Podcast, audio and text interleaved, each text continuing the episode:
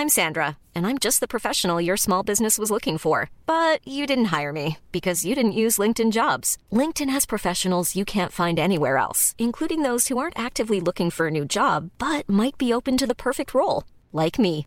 In a given month, over 70% of LinkedIn users don't visit other leading job sites. So if you're not looking on LinkedIn, you'll miss out on great candidates like Sandra. Start hiring professionals like a professional. Post your free job on linkedin.com/people today. Hej Søren. Hej, Jacob. Søren, svømmer Danmark egentlig i penge? Ah, vi svømmer måske ikke decideret i dem, men, øh, men det kunne være meget værd. Det kunne være værd. Okay. Det er noget, jeg gerne vil vende tilbage til, men lad mig nu straks fortælle, at DKPol i denne her uge er ramt af sygdom. Esben Schøring, han ligger hjemme under dynen. God bedring, Esben.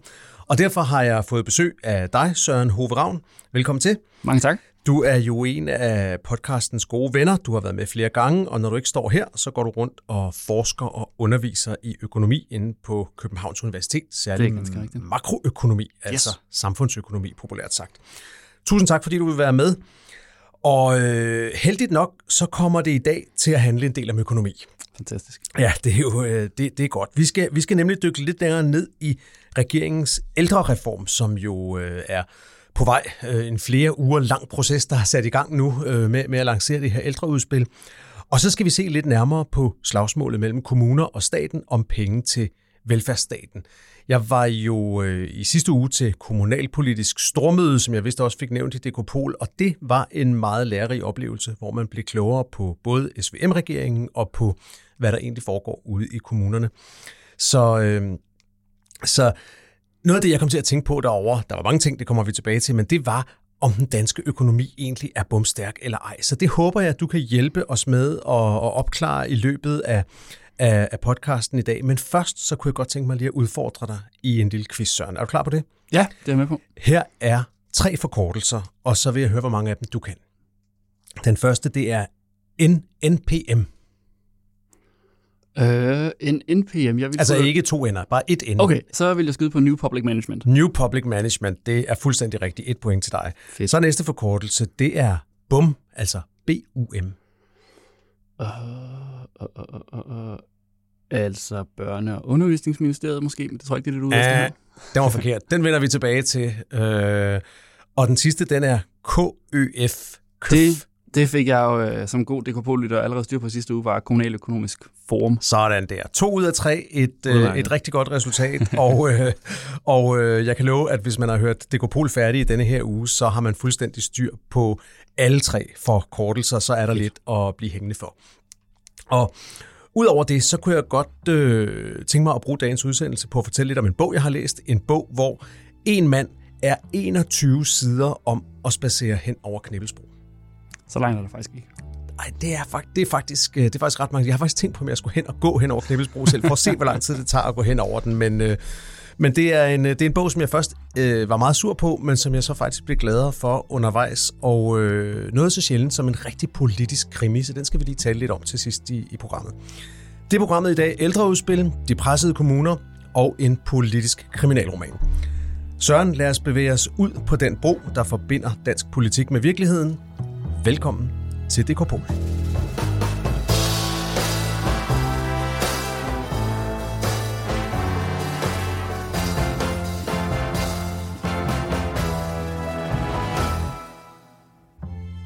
Som altid, Søren, begynder vi med fluen på væggen. Hvor kunne du øh, tænke dig at have summet rundt i denne her uge? Jamen, jeg ville have summet hele vejen til øh, hen over Atlanten til USA, fordi øh, der var jo øh, primærvalg i Iowa, eller der var caucus ja, i Iowa. Krokus i Iowa. Ja. Øhm, og jeg kunne godt tænke mig at have været i selskab med Nikki Haley, da hun, øh, da hun fik resultaterne fra det her, øh, den her afstemning, som jo var en, Ja. ja. en meget klar sejr til Donald Trump, må man sige.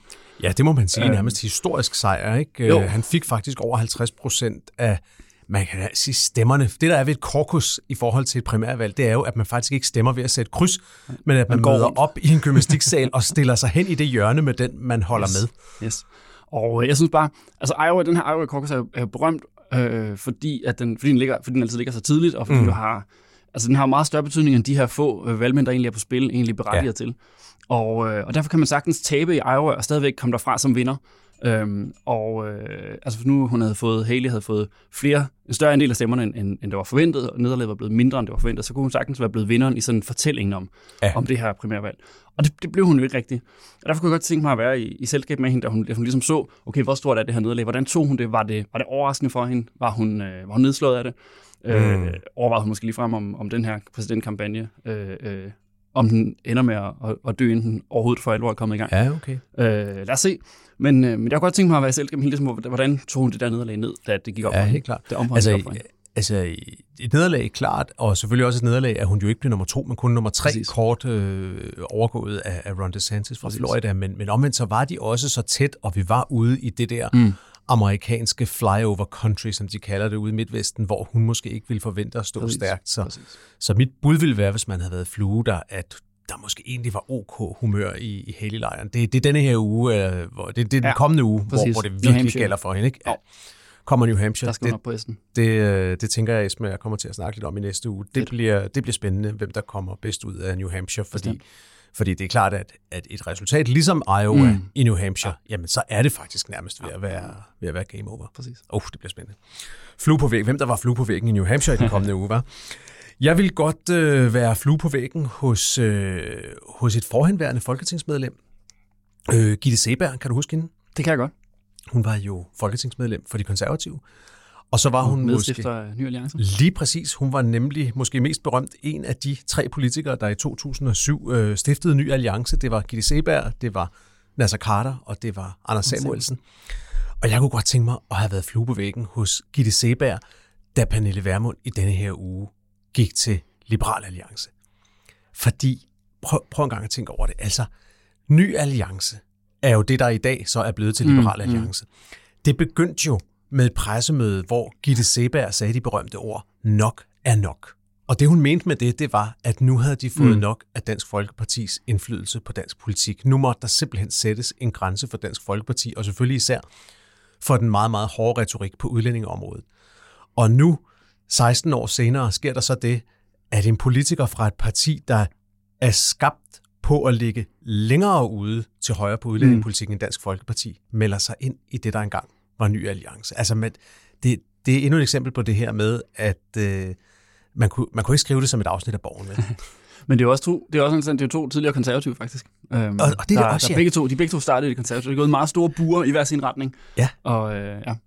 Jeg kan vide, om Gitte Seberg stadigvæk stemmer, stemmer alliance i, de, i, i dag. Det er ikke godt at vide. Det er ikke godt at vide. Det vil man godt vide. Der gad jeg godt at have været flue på væggen. Det Fedt. kan være, at vi får det opklaret en dag.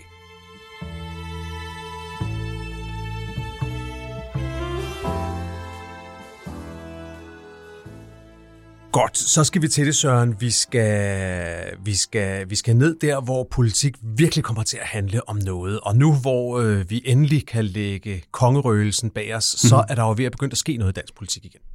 Yes. I denne her uge øh, og er regeringen kommet med flere detaljer om øh, det her ældre frisættelsesudspil, den her store ældrereform, som var en vigtig del af regeringsgrundlaget, og som ligesom er et af regeringens store løfter til befolkningen, at der skal frisættes på det her område. Det er et område, hvor at øh, både borgere og ansatte i det offentlige skal sættes fri. Og vel også en del af eksistensberettigelsen. Det er jo også en ting, de har sagt, det er noget, det vi kan, fordi vi er en, en regering, der går hen over midten. Det vil ikke kunne lade sig gøre for den ene eller den anden blok. Præcis, der skal tages modige beslutninger her. Mm. Og og, og de her modige beslutninger, de bliver så, kan man diskutere, hvor modigt det er, de bliver så fremlagt meget drøbvis. Det er måske mere noget med en kommunikationsstrategi, men der er allerede kommet noget i en avis og noget mm. i en anden mm. avis, og så er det vist meningen, at de 30. januar skal sådan præsenteres samlet på et stormøde i, i Fredericia. Men noget af det, vi ved om den her øh, kommende ældrereform, det er ligesom, at man vil ændre den måde, som ældre bliver visiteret til hjemmepleje og hjemmehjælp på hvor at det i dag foregår primært individuelt, at man får at vide, at man er visiteret til, at man har ret til den og den og den ydelse, mm, mm. så skal der ligesom oprettes nogle kategorier. Det kan være tre, eller det kan være fem ude i de enkelte kommuner. Og så vil der i hver kategori være, hvis man måske er stort set selvhjulpen, kan det være, at man kommer i kategori 1, og så har man måske kun ret til, jeg ved ikke hvad, en, en, en enkelt gang rengøring om mm-hmm. ugen eller noget. Eller hvis man er i den meget plejekrævende del i, i gruppe 5, så kan det være, at man har, man har ret til, til, til noget, der mere ligner en fuld pakke med både øh, hjælp til badning og madlavning mm-hmm. og alle mulige andre ting. Og så er ideen ligesom, at kommunerne skal visitere den ældre til, hvilken pakke de hører til i.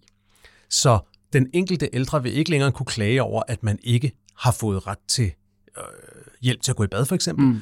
Men man kan klage over, at man er kommet i gruppe 3 i stedet ja. for 4, eller sådan noget. Ja, så det er sådan, det er sådan et af hovedtrækkene i, i, i pakken i hvert fald. Og det betyder så også, tror jeg, er, er ønsket og håbet fra regeringens side, at det så også bliver nemmere for private udbydere at komme ind og, mm. og måske byde ind med nogle større løsninger, fordi at så skal de byde ind på, at de kan levere hele pakke 4 ja. for alle mm-hmm. ældre i kommunen, i stedet for i dag, at de måske kun kan byde ind med støvsugning, for, for at sige det lidt for enkelt set. Yes.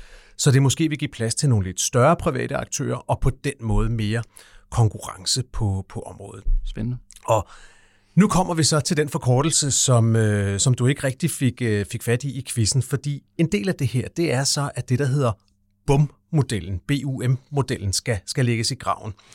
Og BUM, det består for bestilleren, udføreren, modtageren. Aha. Og det er ligesom denne her model, der går ud på, at der er en bestiller, myndigheden, det vil så være en kommune typisk, der har ansvaret for at udmønte kommunens serviceniveau, beskrive ydelsen og foretage visitationen. Her er fru Jensen, hvad mm. du har ret til. Så er der udføreren, det kan så både være den kommunale hjemmepleje, eller det kan være en privat aktør, der får ansvaret for at levere den ydelse, man er øh, visiteret til, og modtageren, det er så den ældre selv. Ja. Og denne her model, det er, det er jo en del af, af det, som i et lidt større perspektiv er blevet kaldt New Public Management, som jo ligesom har præget dansk offentlig, øh, dansk offentlig administration helt tilbage. Jeg tror, det begyndte allerede under slutterregeringerne i 80'erne, ja. man begyndte at indføre det her. Og hvis Esben var her, vil han jo sige, at det her det er jo en kernekomponent i konkurrencestaten, for det er det jo selvfølgelig. Det er ideen om det her med, at øh, den offentlige sektor også skal drives efter moderne, mm. effektive øh, principper. Skal, og, skal løbe længere på literen, som jeg tror, Lars Løkke har sagt det 100.000 gange. Ja, præcis. Øhm, øh, det er lige præcis det, og, og jeg, jeg prøvede lige at gå ind og læse i, i regeringsgrundlaget, og jeg synes, det var meget spændende, fordi at øh, der er jo et, øh, et afsnit, hvor de faktisk beskriver det her, uden direkte at nævne den her bum-model. Mm. Så, så står der et afsnit i regeringsgrundlaget, som jeg godt lige vil læse op for dig, Søren.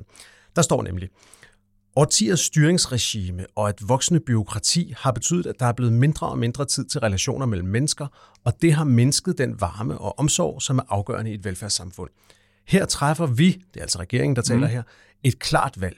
Vi vil hellere have, at social- og sundhedshjælperen kan spille kort med de gamle, og at pædagogen kan læse en bog højt, end at de skal bruge tid på at dokumentere, at de har udført deres arbejde. Det synes ja, jeg er meget sjovt. Ja, det er super interessant. Altså her antager man ligesom, at en ny styringsmodel i sig selv vil gøre det muligt yes. for den offentligt ansatte at finde tid til at spille kort med de gamle. Og det er der, hvor jeg øh, spørger mig selv, og nu også dig måske, at, at det er realiteten, tror du? Altså, ofte er det jo sådan, at hvis noget lyder for godt til at være sandt, så er det måske tit, fordi det faktisk ikke er sandt. Ja. Øh, øh, det er ikke for, at skyde, for bare at skyde ned sådan fra, fra, fra starten, men man skal i hvert fald være opmærksom på, at øh, det er klart, hvis, den, hvis, hvis, hvis socialbørn, eller, eller hvem der nu er ude skal, skal lave mindre af en ting, så kan vedkommende lave noget andet i stedet for. Men, men så er der jo nogle andre ting, der så ikke bliver udført. Øh, og øh, det er selvfølgelig meget rart at have besøg af en, der kan, der kan spille kort med sig, men, men til gengæld får man så måske ikke gjort rent. Og det kan jo også godt være, at, øh, at man egentlig godt også ville have, ville, have, ville have haft gjort rent, når det kom til stykket. Øh, måske, øh, jeg synes, det er fint, at man kan, i den her sådan lidt lavpraktiske fortælling, at man kan sidde og vælge, og i dag har jeg ikke lyst til at få gjort rent, i dag vil jeg hellere spille kort. Helt fint, det er der ikke nogen, der kan, der kan have noget imod. Men det er jo rigtigt, at på sådan et større niveau, så øh, bliver der jo kun flere ressourcer til, til kortspillet og den del, hvis man er villig til, hvis politikerne rent faktisk er villige til at lægge hånden på kogepladen og sige, jamen, så er der nogle ting, som vi så ikke, så, så afgiver vi simpelthen noget kontrol. Ja. Det er jo noget, som politikere generelt ikke bryder sig så meget om. Så, så, så lader vi simpelthen, vi afgiver den her bestemmelse på, hvad øh, der, skal, der skal være krav om, at de ældre skal få gjort. Ja, fordi ellers skal det bygge på en forudsætning om, at den enkelte, øh, den enkelte hjemmehjælper eller sociohjælper faktisk bruger en meget, meget stor del af sin tid ude hos den ældre på at sidde og taste Præcis. ind på en, på, en, på en iPad. Men der synes jeg, hvis man snakker med folk, eller hvad de nu bruger til, til at taste mm. ind på, det ved jeg ikke, på et stykke papir, men der er mit indtryk, når man snakker med folk, at, at det er måske faktisk ikke realiteten, ja. at den enkelte øh, sosu bruger al sin tid på at sidde og dokumentere. Det, det, det, øh, det, skal ikke, det skal ikke stå og gøre mig til ekspert i om det, og hvor, meget tid det rent faktisk bruger på det. Men altså, det er jo bare, man kan sige, de her regler er jo, er jo opstået af en grund, og det, er jo, det, det, det, det, det spændende bliver jo, lakmusprøven bliver jo, når, når der næste gang kommer en, en forside på Ekstrabladet, mm. eller en, en udsendelse i TV2, hvor, hvor vi får dokumenteret, at øh, på det her plejehjem, eller hjemme hos de her ældre, der er ikke blevet gjort rent i så og så lang tid, eller den her ældre har ikke været i bad i så og så lang tid. For det er jo der, hvor politikerne plejer som deres standardreaktion at stille sig op og sige, så skal vi, nu skal, så skal ældrene have, så skal de ældre have, have, have altså retskrav på at komme i bad, hvad det nu er, en gang ja. om ugen, eller hver 14 ja. eller hvor ofte det nu måtte være øh, for at kunne undgå, at de her historier kommer. Og næste gang den, de historier kommer, så skal politikerne så være villige til at stå med, med armene over kors og sige, men, men det øh, er noget, de har valgt. Og, eller sige, og, og det, må I tale med jeres, det må I tale med jeres lokale borgmester om. Ja, øh, eller, eller udbyderen, den her private udbyder, der, ja, der er blevet hentet. Ja. Og det er jo en anden del af den her reform, som vi også allerede kender, det er, at, øh, at, at hele tilsynsregimet skal forenkles meget kraftigt. Mm. Alle de kommunale tilsyn med ældreplejen skal, som jeg har forstået det, øh, nedlægges. Okay. Og de to forskellige statslige tilsyn, der findes, skal også væk og erstattes af et nyt, som hvis det ikke er helt klart defineret endnu, i hvert fald ikke lagt, lagt frem endnu, og hvor meningen er, at plejehjem øh, skal have besøg en gang om året af, af, af det her tilsyn, øh, sådan øh, i forbindelse med, at man også øh, har tilsyn med nogle andre ting. Mm, og, mm. og det kan jo virke rigtig fornuftigt, men peger præcis ind i det, du siger med, hvis, øh, hvis, hvis man forestiller sig et plejehjem, der så er dårligt drevet, og måske godt selv ved det, mm. så, så er det måske øh, ikke tilstrækkeligt med tilsyn et gang om året, for man kan jo altid en gang om året få det jo, til at se det er klart. fint ud. Det er klart, og det bliver, det bliver interessant det her med, om politikerne kan, kan have is i maven, når de får slået ja. en, en mikrofon i hovedet, og, og ja. bliver bedt om at forholde sig til, ja. til de her sager, fordi der er, jo, der er jo en grund til, det lyder jo, øh, det lyder jo herligt, og der er ikke nogen, der som sådan kan være imod den her tanke, som du, som du læser op før. Øh, men der er en grund til, at, de her, at, at det modsatte regime, kan man sige, det eksisterende regime er opstået.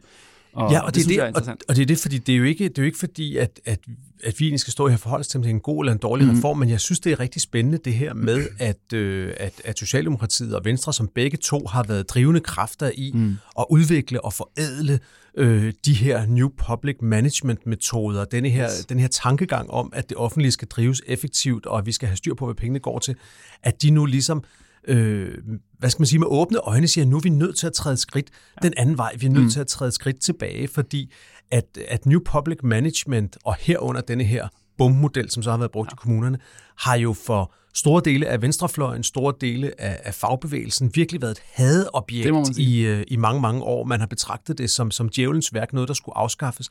Omvendt læste jeg en, øh, et Cepos-indlæg i Altinget, som blev bragt for et par år siden, øh, hvor overskriften var, øh, bommodellen fungerer, I kan ikke slå os ihjel, eller noget i den retning. altså Cepos har virkelig omvendt insisteret på, at det her det er en gave til den offentlige sektor, mm. fordi det giver os mulighed for at øh, økonomistyre og konkurrenceudsætte. Ja. Og derfor kunne jeg godt tænke mig øh, egentlig bare lige at snakke lidt om, altså det der med, med New Public Management, har det været har det været en fiasko, eller har det tværtimod øh, reddet dansk økonomi?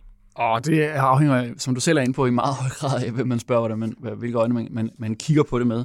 Øh, for der er ikke nogen tvivl om, at det har været med til at, at gøre, at, at øh, midlerne i den offentlige sektor bliver anvendt mere effektivt, ja. trods alt.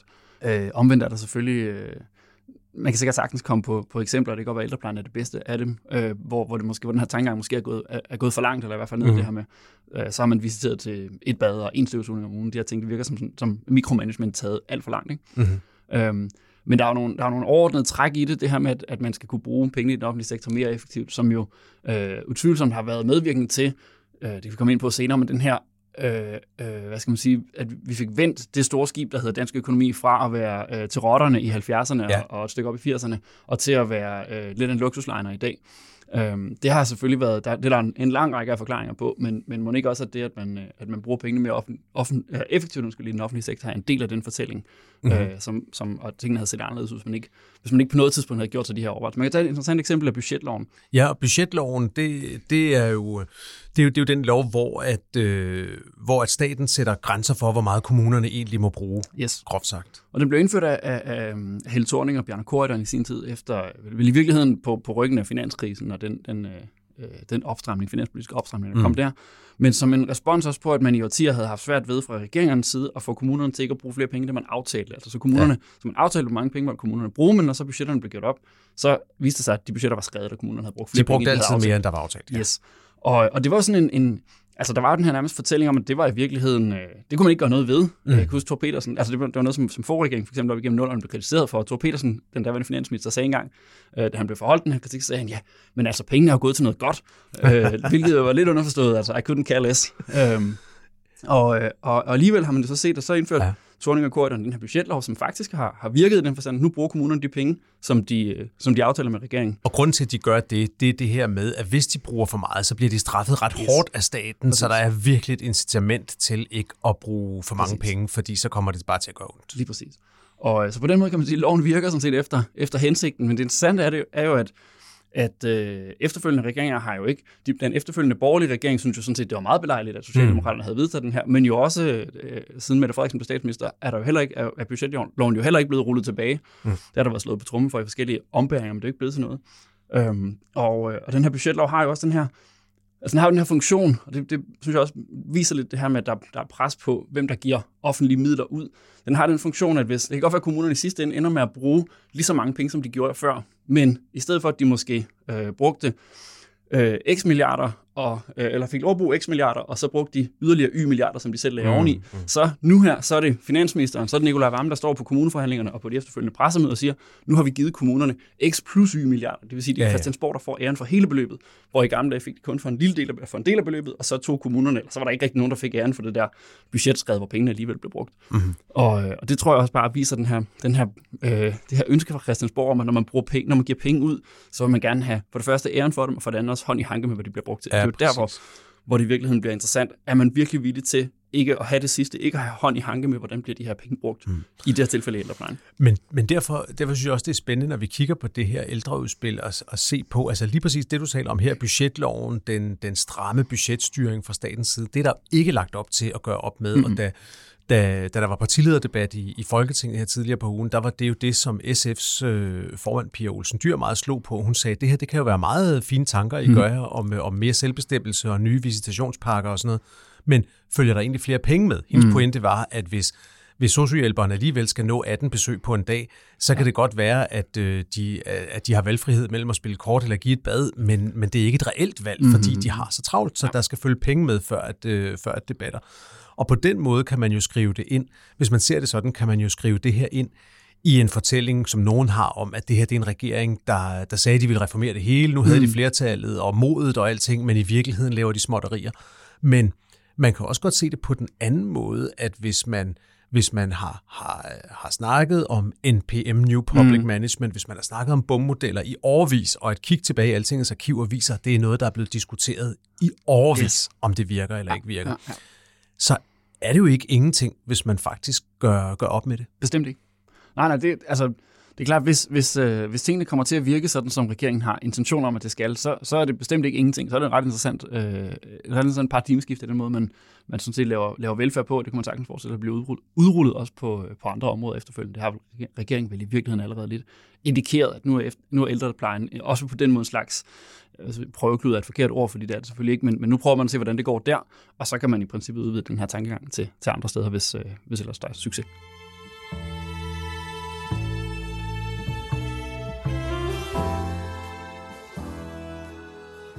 Godt, men Søren, lad os så prøve at dykke endnu længere ned i velfærden, skulle jeg til at sige. Jeg, øh, jeg rejste jo selv ud i, øh, ud i velfærdssamfundet, skulle jeg til at sige, øh, torsdag fredag i sidste uge. Jeg var til det, der hedder KØF, og dermed får vi den, den tredje af dagens forkortelser ind i programmet Kommunaløkonomisk Forum. Et, et stort møde, som, som Kommunernes Landsforening, KL, holder hvert år, hvor at alle landets borgmestre, alle landets kommunaldirektører og en række andre topembedsmænd fra, fra kommunerne de samles i Aalborg. Det er et godt stykke over 1000 mennesker, der sidder øh, op i Aalborg til, til to dages øh, diskussion og symposium og, øh, og diskuterer kommunal økonomi og, og hvad man kan gøre ved det. Og, øh, og noget af det, de gjorde i, i, i år, Søren, det var, at de brugte nærmest hele den første formiddag på at snakke om en afdød økonom, der hedder Bomol. Har du, har du hørt om ham? Ja, det har jeg. Det har jeg. Kan du ikke, øh, kan du ikke kort øh, hjælpe mig med at, at forklare, hvad det er, ham Bomol, han, øh, han, han gerne vil fortælle os? Han er kendt for. Ja. Jo, altså det, der hedder Bomol-effekten, er dybest set, at, at øh, over tid, så vil det være nemmere at lave produktivitetsstigninger i, øh, det, vi kan kalde fremstillingserhvervene, end i, øh, end i serviceerhvervene. Altså i fremstillingserhvervene, okay. produktionserhvervene, så, bliver, så kommer der hele tiden nye maskiner, som kan gøre, det, kan gøre medarbejderne på fabriksgulvet, quote unquote, mere effektive. Der kommer noget øh, kunstig intelligens og noget andet. Ja, altså, ja, det gør der, det gør der også, men der kom, altså, øh, maskiner og, og ny teknologi i ja. en bred forstand gør, gør medarbejderne mere produktive øh, i, i industrien og andre steder. Mm-hmm. Mens at i serviceerhvervene er det svært at have den samme produktivitetsvækst. Øh, det er måske, i virkeligheden kan man sige, at kunstig intelligens måske kan hjælpe serviceerhvervene på nogle punkter, men, men eller det må vi, må vi se. Men, øh, men at det over tid kan være svært at have, altså der, der er ikke, det er svært at forestille sig, at øh, maskiner på samme måde kan gøre for eksempel en tjener, øh, for at tage et eksempel fra serviceværvene, mere, mere effektiv. Det, det tager den tid, det tager at, øh, at gå til frisøren. Præcis. Ja. Øhm, og, øh, og derfor, øh, derfor vil der over tid ske den her øh, forskydning, som gør, at den ene sektor bliver mere produktiv, at den ene type erhverv bliver mere produktiv end den anden. Mm. Og, øh, og hvad har det at gøre med, med offentlig økonomi, kan man så spørge? Det har det at gøre med det, at den offentlige sektor jo øh, i højere grad end den private sektor er servicetung. Det, som den offentlige sektor udbyder, er i højere grad øh, tjenester, end det er, end det er varer.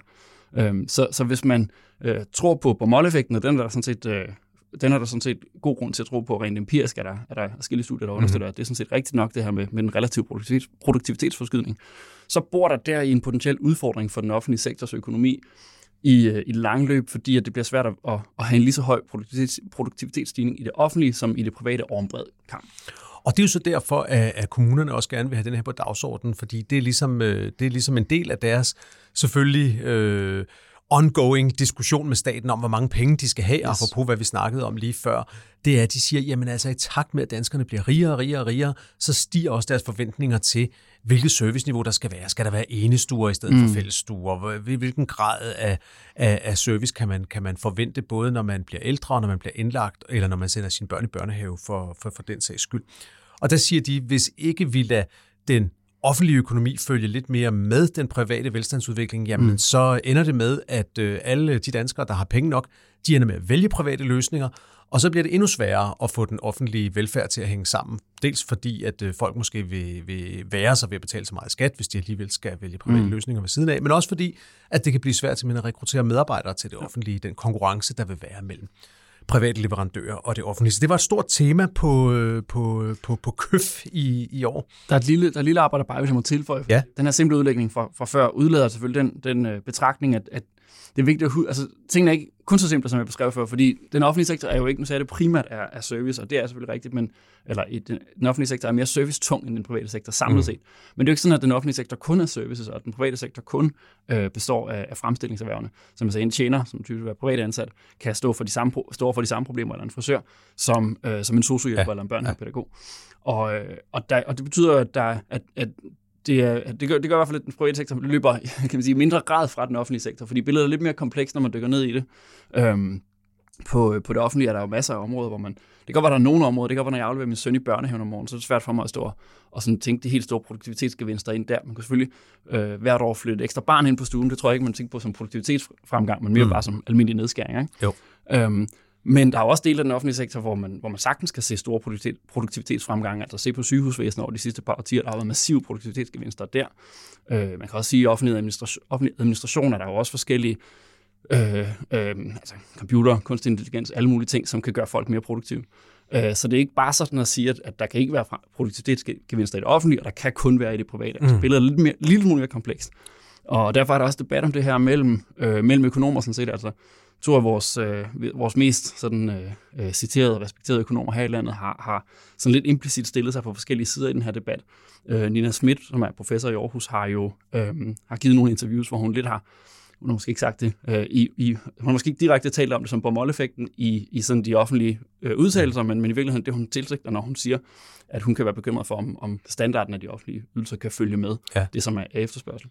På den anden side har du hendes kollega på Aarhus Universitet, Torben M. Andersen, som, som også har arbejdet med det her, og som måske i nogle mere øh, videnskabelige sammenhæng har, har, har har gjort sig til talsmand for, at øh, det er ikke så oplagt, at det her, den her effekt nødvendigvis fører til velfærdsstatens undergang, eller hvad man skal kalde det. Mm-hmm. Øh, der er sådan set øh, der, der er netop nogle af de kompleksiteter, jeg beskrev før. Som gør, der er en faglig diskussion Præcis. om, hvad der er op og ned Præcis. her.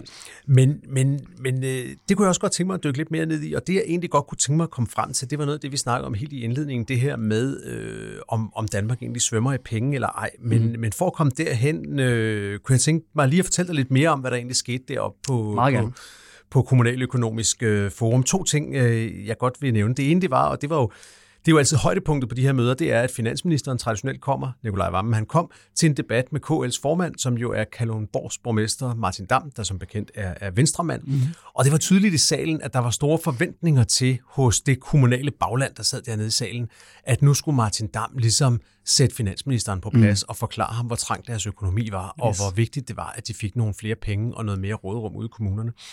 Og så skete der det, at øh, Vammen vandt den debat hvis man skal sige det helt Aha. kort. Øh, det startede sådan symbolsk med, at, øh, at de stod ved hver sit runde bord, lidt ligesom vi gør i podcaststudiet mm. nu.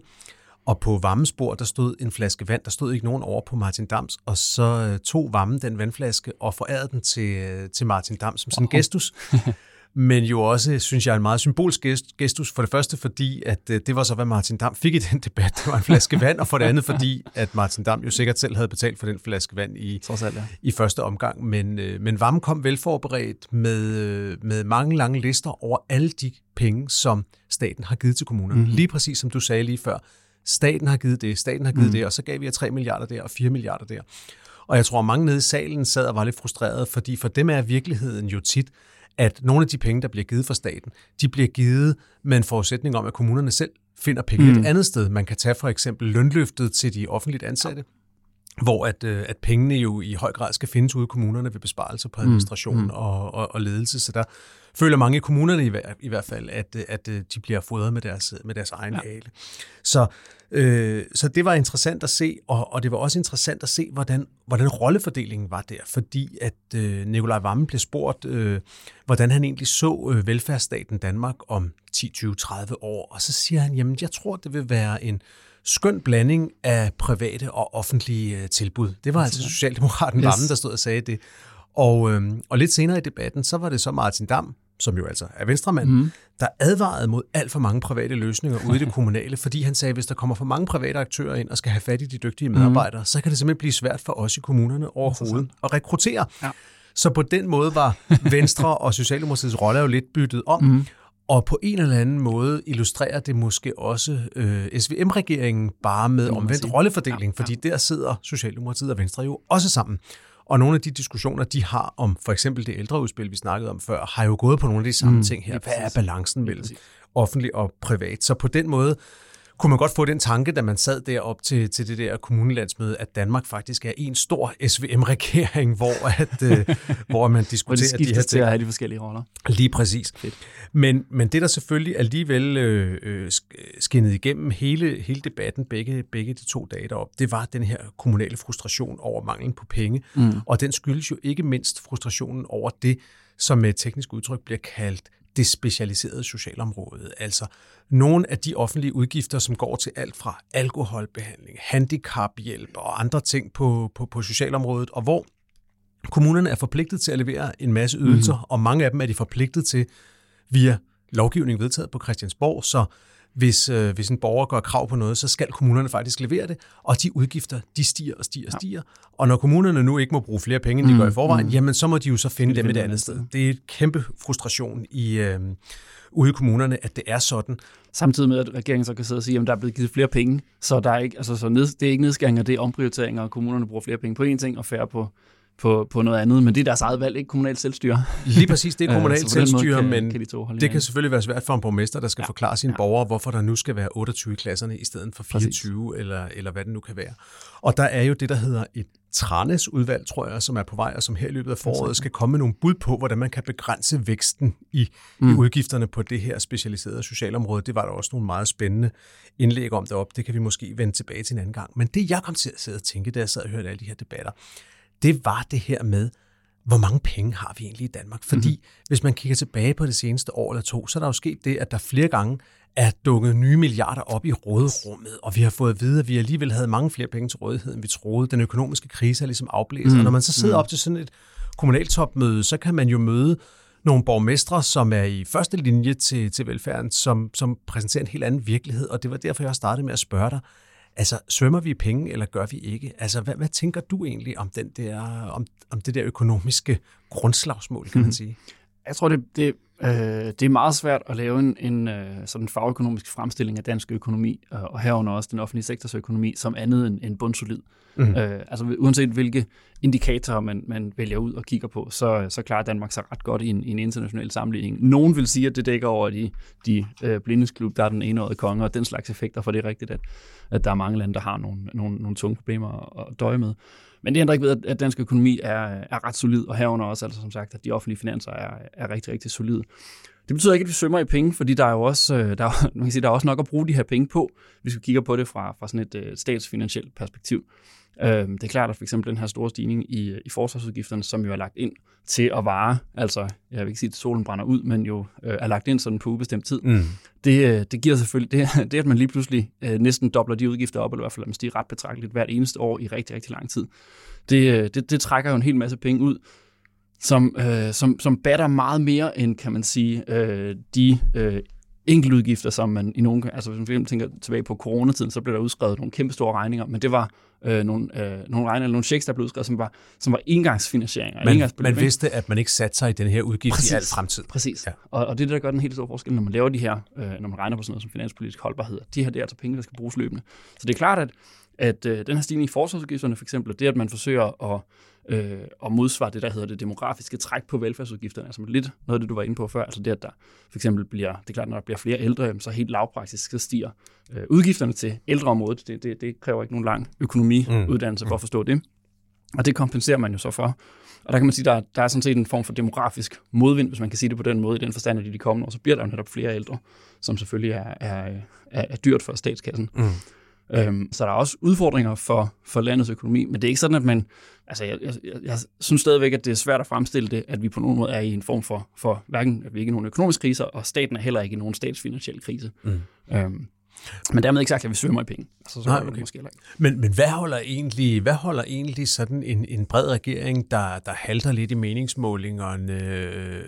Hvad, hvad, hvad afholder den egentlig fra og, øh, og, og, og skrue lidt yderligere op. Altså hvis, hvis økonomien er mm. overholdbar mm. på lang sigt, vi laver de her fremskrivninger, der viser, at den danske økonomi, selv hvis man, man, man skriver 10-15 år ud i fremtiden, så er der styr på det hele. Hvad, hvad afholder den egentlig fra at, at hælde lidt endnu flere penge i? Man kan sige, på det helt korte sigt, for eksempel med, med den, med den finanslov, der er blevet indgået for 2024, der har det jo i høj grad været, været inflationen, at man vil, øh, man vil undlade at puffe til inflationen Øh, I Danmark har vi jo, øh, har vi jo fastkurspolitik, og derfor kan Nationalbanken ikke gå ud og, og for eksempel sætte renten op, som den svenske centralbank ville gøre, eller den norske, mm. hvis de vurderede, at inflationen var for høj. Øh, og derfor, øh, derfor er det måske ekstra vigtigt, at finanspolitikken ikke puffer til inflationen i Danmark. Øh, så det har jo været det, der var sådan set kronargumentet for, at der skulle føres en forholdsvis øh, stram finanspolitik i, i 2024 øh, fra, fra regeringens egen side så lægger de jo netop nogle lempelser i de kommende år. Der er, der er jo snakket om de her skattelettelser, som kommer ja. ind, om, øh, som kommer i, jeg tror, de, jeg kan ikke huske, om de begynder i 2025, eller i hvert fald i 2026. Ikke? Og, øhm, og det er jo så netop med den idé, at på det tidspunkt, altså det håb, at, at inflationen så ligesom er øh, væk, og man på det tidspunkt så kan lempe finanspolitikken. Man kunne også godt forestille sig, at der kommer nogle, nogle stigninger i de offentlige udgifter øh, hen imod slutningen af, af valgperioden. Det, det kunne man nok meget belejligt sammen ja, ja. Øh, med, at inflationen så forhåbentlig er væk. Ja. Øh, så, så det har været inflation, der har holdt dem på, fra det på det korte sigt, på det, sådan, det mellemlange sigt, der har de jo det her finanspolitiske råderum, som jo så, som du selv var inde på, er blevet, øh, er blevet øh, er vokset af, af nogle omgange, hvor man sådan i kurserne har fundet nogle milliarder, altså ved at man har, har øh, genopgjort det her råderum, og så har man fundet, at det faktisk i virkeligheden er større, end, end vi troede, det var.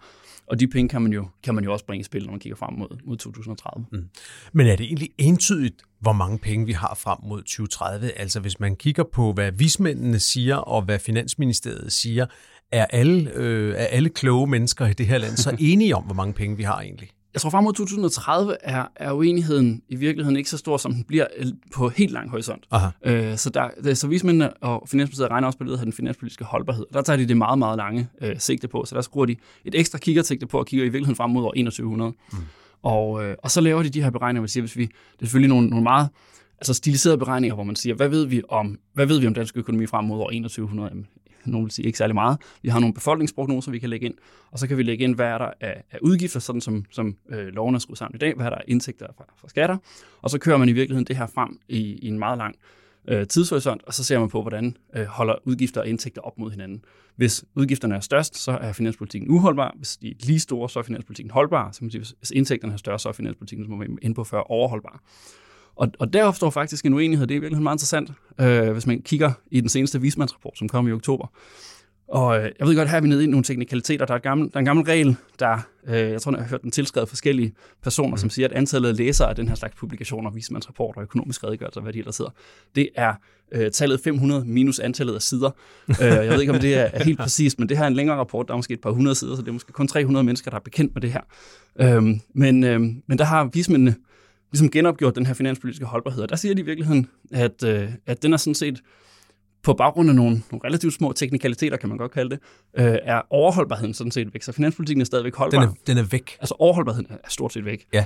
Øhm, den er, finanspolitikken er stadigvæk holdbar, men, men de er gået fra at sige, at finanspolitikken var overholdbar med sådan omkring en procent af BNP i rundetal, til at den er omtrent holdbar. Det betyder altså, at der er en finanspolitisk lempelse på sådan en størrelsesorden 25-30 milliarder om året, som man ifølge Finansministeriet og ifølge vismændene tidligere kunne lave, øh, som man så ikke kan lave mere øh, baseret mm. på, på de seneste beregninger. Og, hvordan og, det, det og det er vel at mærke lempelser, altså som man kunne lave nu, men som ville have betydning langt ud i fremtiden. Præcis, man, altså som man kunne lave en permanent altså en lempelse hvert år af finanspolitikken for mm. et beløbsvarende det der. Øh, så, det, så det er relativt mange penge, altså det er jo væsentligt mere end det. Det er måske det dobbelte af, hvad vi bruger på, på SU om året, bare for at tage et eller andet, ja. der, der, der, der kan relatere sig lidt til det. Øhm, og hvad hedder det? det er interessant, der, der, der er mindst et par ting, man kan tage med sig fra den her øh, nye beregning. For det første, så kan man selvfølgelig sige, at det er interessant, at vismændene og Finansministeriet, jeg tror, det er, den, det er i hvert fald for en, i, i mange år den største afvielse, der har været mellem vismændenes opgørelse og Finansministeriets opgørelse. Så Finansministeriet siger stadigvæk, at der er den her overholdbarhed på godt og vel en procent af BNP. Øh, og det lyder meget teknisk. Hvorfor er det relevant? Jamen, det er jo relevant, når vi har de her debatter om, omkring, er der for eksempel brug for reformer i dansk økonomi. Så for det første ville det være interessant, hvis, hvis Finansministeriet og vismændene satte sig ned sammen, det er de sikkert allerede i gang med, og ligesom prøver at se på, hvad er det for nogle forudsætninger, der er mest realistiske. Der er jo ikke nogen, der, der, der ved det, fordi det her handler jo netop om antagelser, man gør om, mm. om langt ud i fremtiden. Mm. Og det er jo svært at gøre, danne sig en holdning til, hvad er for eksempel renten i 2050 eller sådan nogle ting. Uh, det findes der jo ikke et, et entydigt svar på. Men hvor, langt, hvor tæt kan vi komme på at være enige om, hvad er ligesom forudsætningerne for, eller bagtæppet for, øh, for dansk økonomi på det, på det rigtig lange sigt? Det er den ene del. Øh, det vil være interessant at få det, få det afklaret i det omfang, det er muligt. Og så for det andet, at, øh, at man selvfølgelig også skal være forsigtig med at basere al sin politik på de her beregninger, fordi det netop er relativt følsomt. Altså, der er ikke en, man kan ikke pege på en stor ting, som at nu, det var nemmere at forholde sig til, hvis man kunne sige, at den her ene reform, den har ligesom et overholdbarhed. Men det her er i virkeligheden, at der er nogle, nogle teknikaliteter bag udregningerne, som har ændret sig, øh, som måske er svært at forklare til både politikere og, og læge, lægepersoner. Øhm, og, og på baggrund af de her sådan lidt tekniske ændringer, så er den her overholdbarhed forsvundet. Men det, det jeg tænker, når du, når, når du siger det der, det, det, det er jo også, at det er måske en del af svaret på, på, på, på det spørgsmål, som jeg lidt sad tilbage med efter Aalborg, det her med, hvorfor bliver der ikke bare hældt nogle flere penge i det, det mm. er, at uanset hvor positive fremskrivningerne er, så skal der måske ikke særlig store Præcis. forandringer til, og fremtiden har jo også øh, den, øh, den ubehagelige egenskab, at øh, den tit byder på ting, vi ikke havde forudset. Præcis. Præcis. At, at der skal måske ikke så meget til, før at, øh, at tingene kan ændre sig igen. Så hvis vi vil blive ved med at være det der samfund, der, hvor, hvor økonomien mm. faktisk øh, ligger i rimelig trygge rammer, så, så, så er der grænser for, hvor Præcis. meget man lige kan, kan jonglere med det hele. Præcis. Og man skal i hvert fald være forsigtig med, hvor, hvor meget man baserer sin politik på de her, på de her udregninger. Det gælder både, hvis man er på det hold, der siger, at vi skal reformere dansk økonomi på grund af, at vi skal, på grund af, at vi skal have skabt en, en, en overholdbarhed, så vi er klar til uforudsete ting. Det gælder også, hvis man er på det hold, der siger, at vi skal ikke lave reformer, fordi finanspolitikken er allerede holdbar. Man, mm. man skal være opmærksom på, at, at de her ting kan ændre sig, uden at der, der nødvendigvis er sket de helt store ting.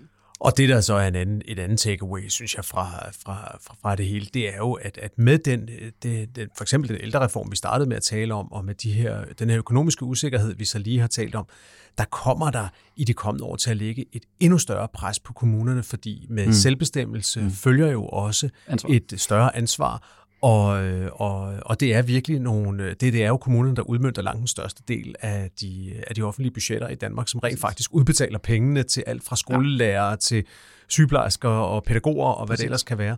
Og, og, og den opgave bliver, bliver, bliver endnu større i fremtiden, så de der 12-1500 mennesker, der, der, der sad op i Aalborg, de, de, de får endnu mere at se til. Det gør det helt sikkert.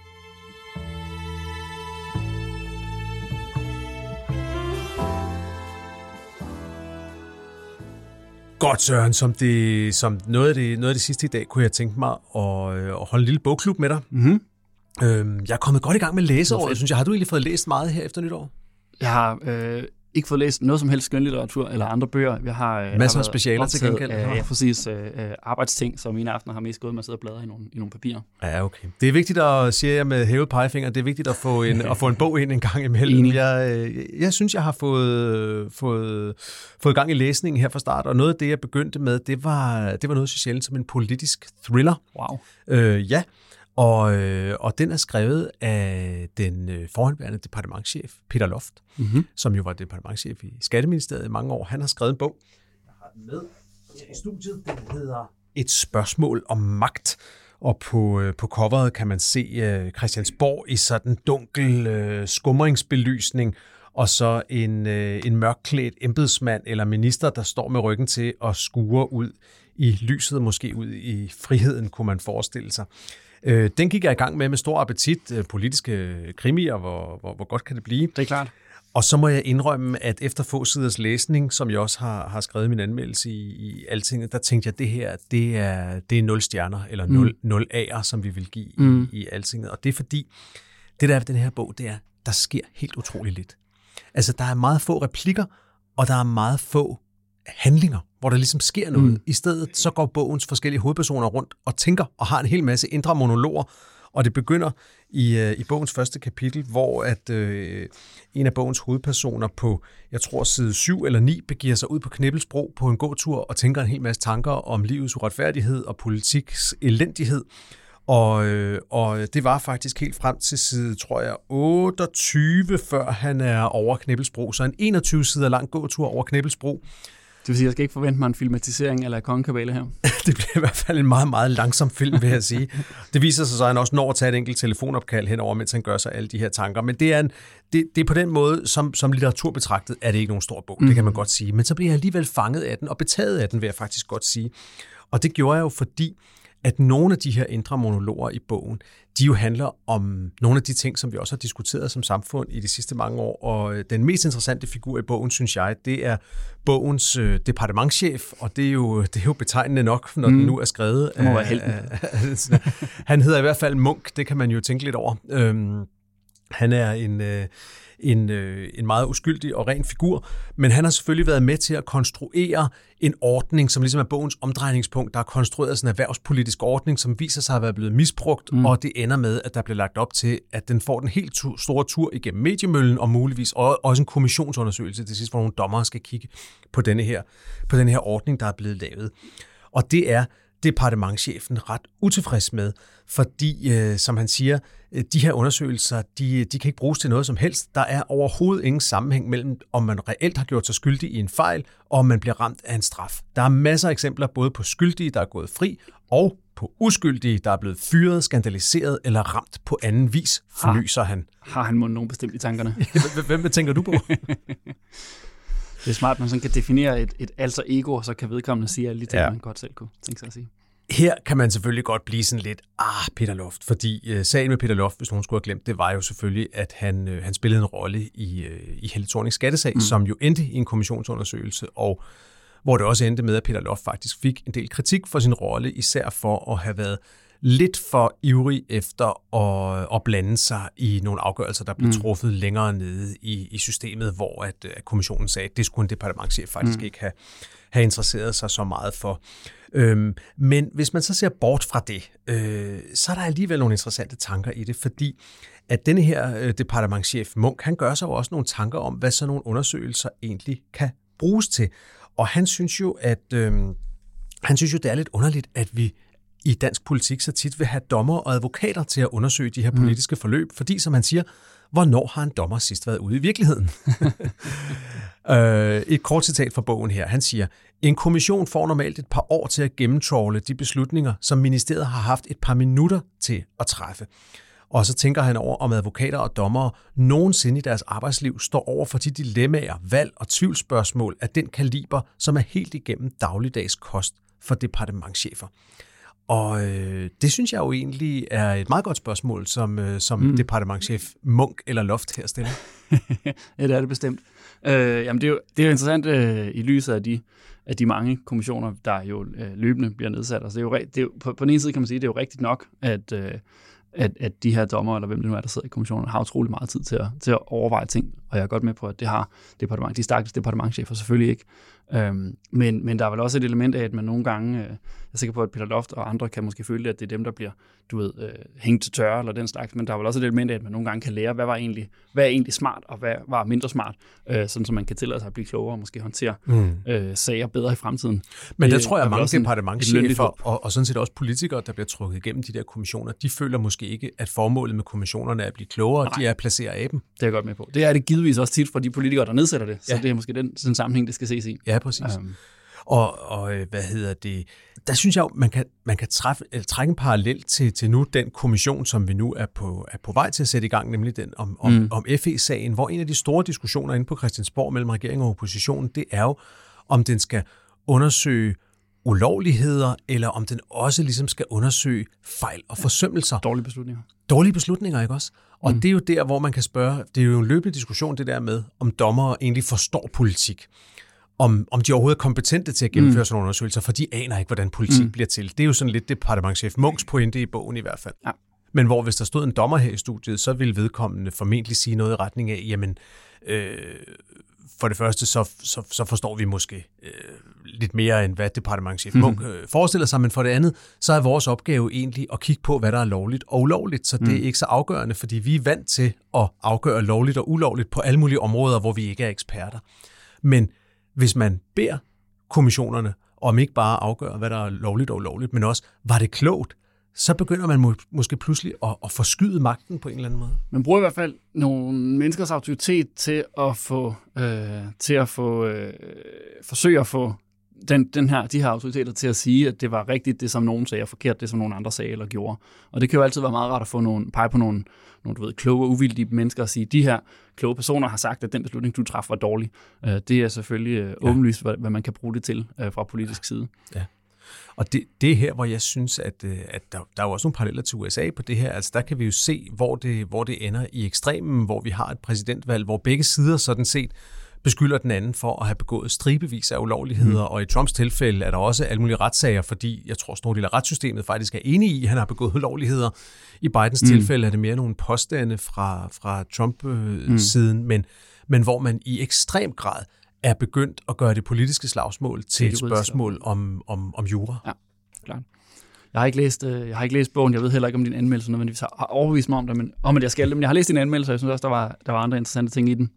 Øh, jeg så også, at der var et, øh, en, hvad man godt kunne læse som et sving mod, øh, mod en bestemt navngiven politiker. Der er en, en, en formulering om, at, at øh, i forlængelse af det, du sagde før med, at departementchefer kan blive skandaliseret osv., så, så står der et eller andet om, at politikere kan, kan, komme, kan, kan blive nedfrosset i en periode, så kan de komme tilbage og komme til, komme til hæder og ære igen. Og man kan, ja, måske endda komme tilbage endnu mere populære. Yes, og jeg har, man har, det er vel svært ikke at læse det som en, øh, som en hilsen til, øh, til Venstres aktuelle formand, som jo også havde en vis involvering i, i Peter Loft-sagen. Ja, det må man sige. Det var jo ham, der var minister i Skatteministeriet, da, da, da, da skattesagen rullede, og, og så de var begge to under undersøgelse der, og der, der fornemmer man klart en bitterhed over, at Troels Lund nu er tilbage i, i, i vi fuldt vi gør, mm. stærkere mm. end nogensinde, mens Peter Loft altså øh, sikkert har, har haft sin sidste arbejdsdag i mm. centraladministrationen. Mm. Ja. Og, det, og det, det er jo også et reelt spørgsmål, om der er en eller anden uretfærdighed der. Ja, men på den anden side er politikere jo på valg. Det er jo... Det er jo, øh, står vælgeren frit for at vælge, at vælge politikerne, men det gør det. sådan er det ikke for embedsmændens vedkommende. Nej. Der I det hele taget synes jeg, øh, det er jo en anden grund til, at politiske aficionados, som hvis man er kommet så langt ind i dekopol, som man er nu, så, så må man betegnes som sådan en, så er det dig, der sidder og lytter. Øhm, en anden grund til at læse bogen, det er jo, at der er sådan forskellige hints til politikere. En anden, en anden hentydning til, til Troels Lund, jeg, jeg tror, jeg så i bogen, det var, at, øh, at der er en af, af politikerne i bogen, som... Øh, som er kendt for at tage alle dokumenter med hjem. Simpelthen tage læsevis af dokumenter med hjem fra Christiansborg mm-hmm. og opbevare dem i sin lade på en landejendom på Sjælland. Hvis man nu en dag skulle få brug for det til at, til at okay. gøre livet surt for en eller anden modstander.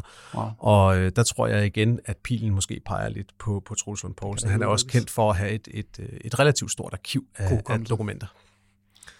Og en landejendom på Sjælland. og en landejendom på Sjælland.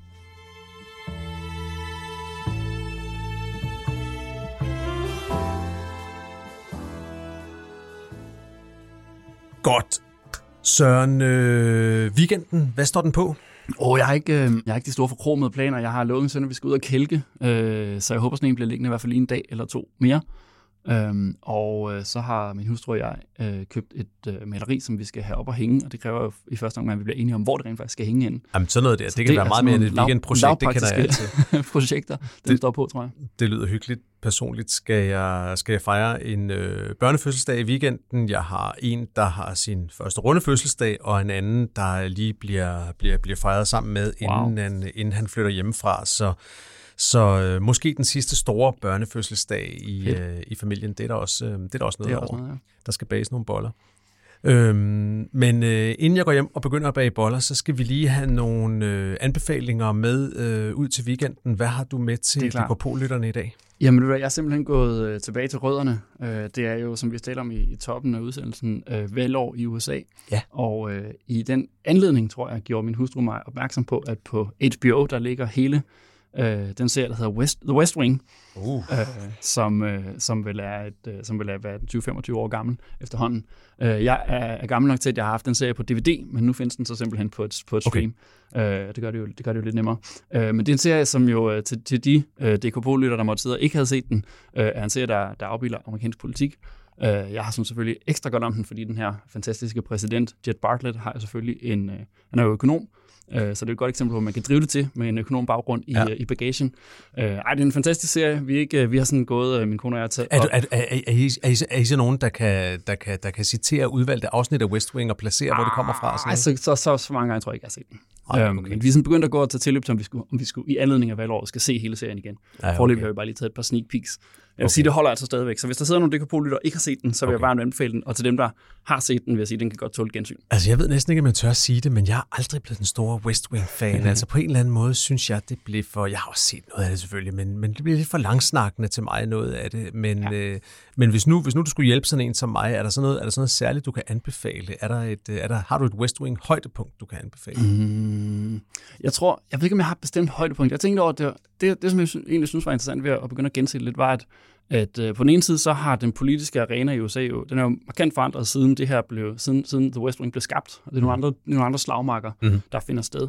Øhm, men omvendt er der jo nogle ting, altså Israel-Palæstina-konflikten er jo meget præsent i den serie, og det er den jo bestemt også i den aktuelle debat. Så jeg tror måske mere, jeg vil sådan anbefale det på den måde, at man ligesom ser det med i baghovedet, hvad er det i virkeligheden, der, hvad er parallellerne til, til, den, til den politiske virkelighed, vi ser i dag, mm. øh, mere end jeg nødvendigvis har et enkelt afsnit, som man skal gå ned og se. Okay. Øh, men, men jeg er godt med på, at jeg anbefaler en serie på syv sæsoner af rigtig mange afsnit, så der, er, der, der er så mange tipers underholdning, hvis det er. Det er godt, du ikke skal så meget andet i weekenden i hvert fald, præcis. det kan man sige.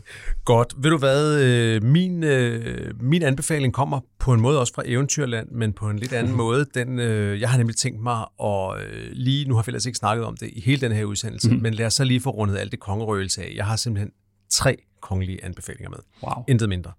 Øhm, og det er tre gode tekster om øh, Frederik den 10. Danmark har jo fået øh, ny konge, og, øh, og jeg har tre gode tekster med, som jeg faktisk vil anbefale, man kan, man kan læse om, øh, om, om kongen og om, øh, om det monarki, han overtager, øh, uden, synes jeg, at, at falde ned i den der gryde, hvor man bliver lidt træt af det. Det første, det er, det er den bog, som er meget omtalt i hele ugen, som til mm. alles overraskelse udkom her bare et par dage efter, at øh, Frederik var tiltrådt som konge. Den hedder Kongeord, skrevet af journalist og historiker Jens Andersen. Og øh, det er en 109 sider øh, kort, let fortalt sag, hvor øh, kong Frederik den 10. fortæller lidt om sin øh, opvækst og om sine tanker om det at blive konge. Og mm. jeg har også anmeldt den ude på Altinget, man kan, man kan læse anmeldelsen derude. Men jeg vil egentlig godt anbefale bogen, fordi uanset hvad man egentlig mener om den bog, så synes jeg bare, så, så skal man være helt ualmindelig uinteresseret i sin øh, samtid, for mm. ikke at godt vil vide, hvad, hvad kongen egentlig har, har tænkt at gøre sig af, af tanker om sin egen rolle og monarkiets rolle. Mm. Så kongeord er, er anbefalet. Og så vil jeg godt anbefale to artikler, som begge to er her fra, her fra koncernen. Den ene er fra vores søstermedie Mandag Morgen, hvor vores gode kollega Claus Krav har skrevet en artikel, der hedder Konge på McKinsey-måden. Og hans, øh, hans pointe med den artikel, det er at kigge lidt på, hvem der egentlig rådgiver øh, kong Frederik, og hvad der egentlig øh, hvad det egentlig er, der står på spil for dem. Og hvor, uden at sige alt for meget, kan jeg sige, at en af hans pointer, det er, at kongehuset er så utrolig bevidste om, at øh, deres vigtigste opgave måske er det, der hedder public diplomacy, mm. nemlig at, øh, at sørge for, at de fortsat nyder stor opbakning i, i befolkningen. Det er jo sådan set meget logisk. Øh, men, men det var for eksempel nyt for mig, at en af kongens øh, nærmeste rådgiver faktisk er en tidligere chef i, i, i McKinsey, så okay. jeg, jeg blev klogere af at læse den artikel. Den ligger vi i show notes. Øh, gå ind og kig på den. Og den sidste artikel, jeg vil anbefale, det er en anbefaling øh, af en artikel skrevet af den sygdomsramte øh, dekopolvært Esben Schøring. Han skrev nemlig en øh, analyse, der hed Da dronningen abdicerede, afslørede hun noget om kongehuset, som alle overser. Og det er jo sådan lidt clickbait-rubrik, Esben. Mm. Øhm, hvad hedder det? Men, øh, og jeg skal ikke spoil den helt her, men det Esben går ind i i den artikel, det er, øh, hvad det egentlig var for en tid, dronning mm. Margrethe var, var dronning i. Det var nemlig TV-tid. Det var tv-tid. Det var fjernsynets tidsalder. Du har læst den allerede. Øhm, og, øh, og, og, og det mestrede hun jo ret godt. Altså nytårstalerne mm. er jo blevet dronning Margrethes institution. Hendes måde at kommunikere med danskerne på. Og en af pointerne er, at det er jo ikke sikkert, at den måde kommer til at du for, øh, for, for Frederik den 10. Han er ifølge Esben konge i influencerernes øh, tidsalder, og øh, det var meget sjovt, den her bog så kom bagefter. Det mhm. tyder på, at han i hvert fald er bevidst om, at han ikke bare kan bruge nytårstalerne, han skal bruge nogle andre midler også. Men læs øh, Esbens artikel, den bliver man klogere af. Så har vi fået tre kongelige anbefalinger, og så snakker vi ikke mere om det. Det lyder godt. Det er en aftale. Øh, Søren Hove Ravn, tusind tak, fordi du ville kigge forbi. Mange tak for invitationen. Det er vi øh, virkelig, virkelig glade for, at du vil hjælpe med at gøre os og DKP-lytterne klogere på både dansk politik og dansk økonomi. Øh, ugens program blev redigeret med kyndig hånd som sædvanligt af Emma Klitnes. Jeg siger især stor tak til dig, der vælger at bruge Dekopol som en del af din egen analyse af dansk politik. Det sætter vi helt utrolig stor pris på. Og som Esben Schøring omtrent plejer at sige, god weekend og god vind.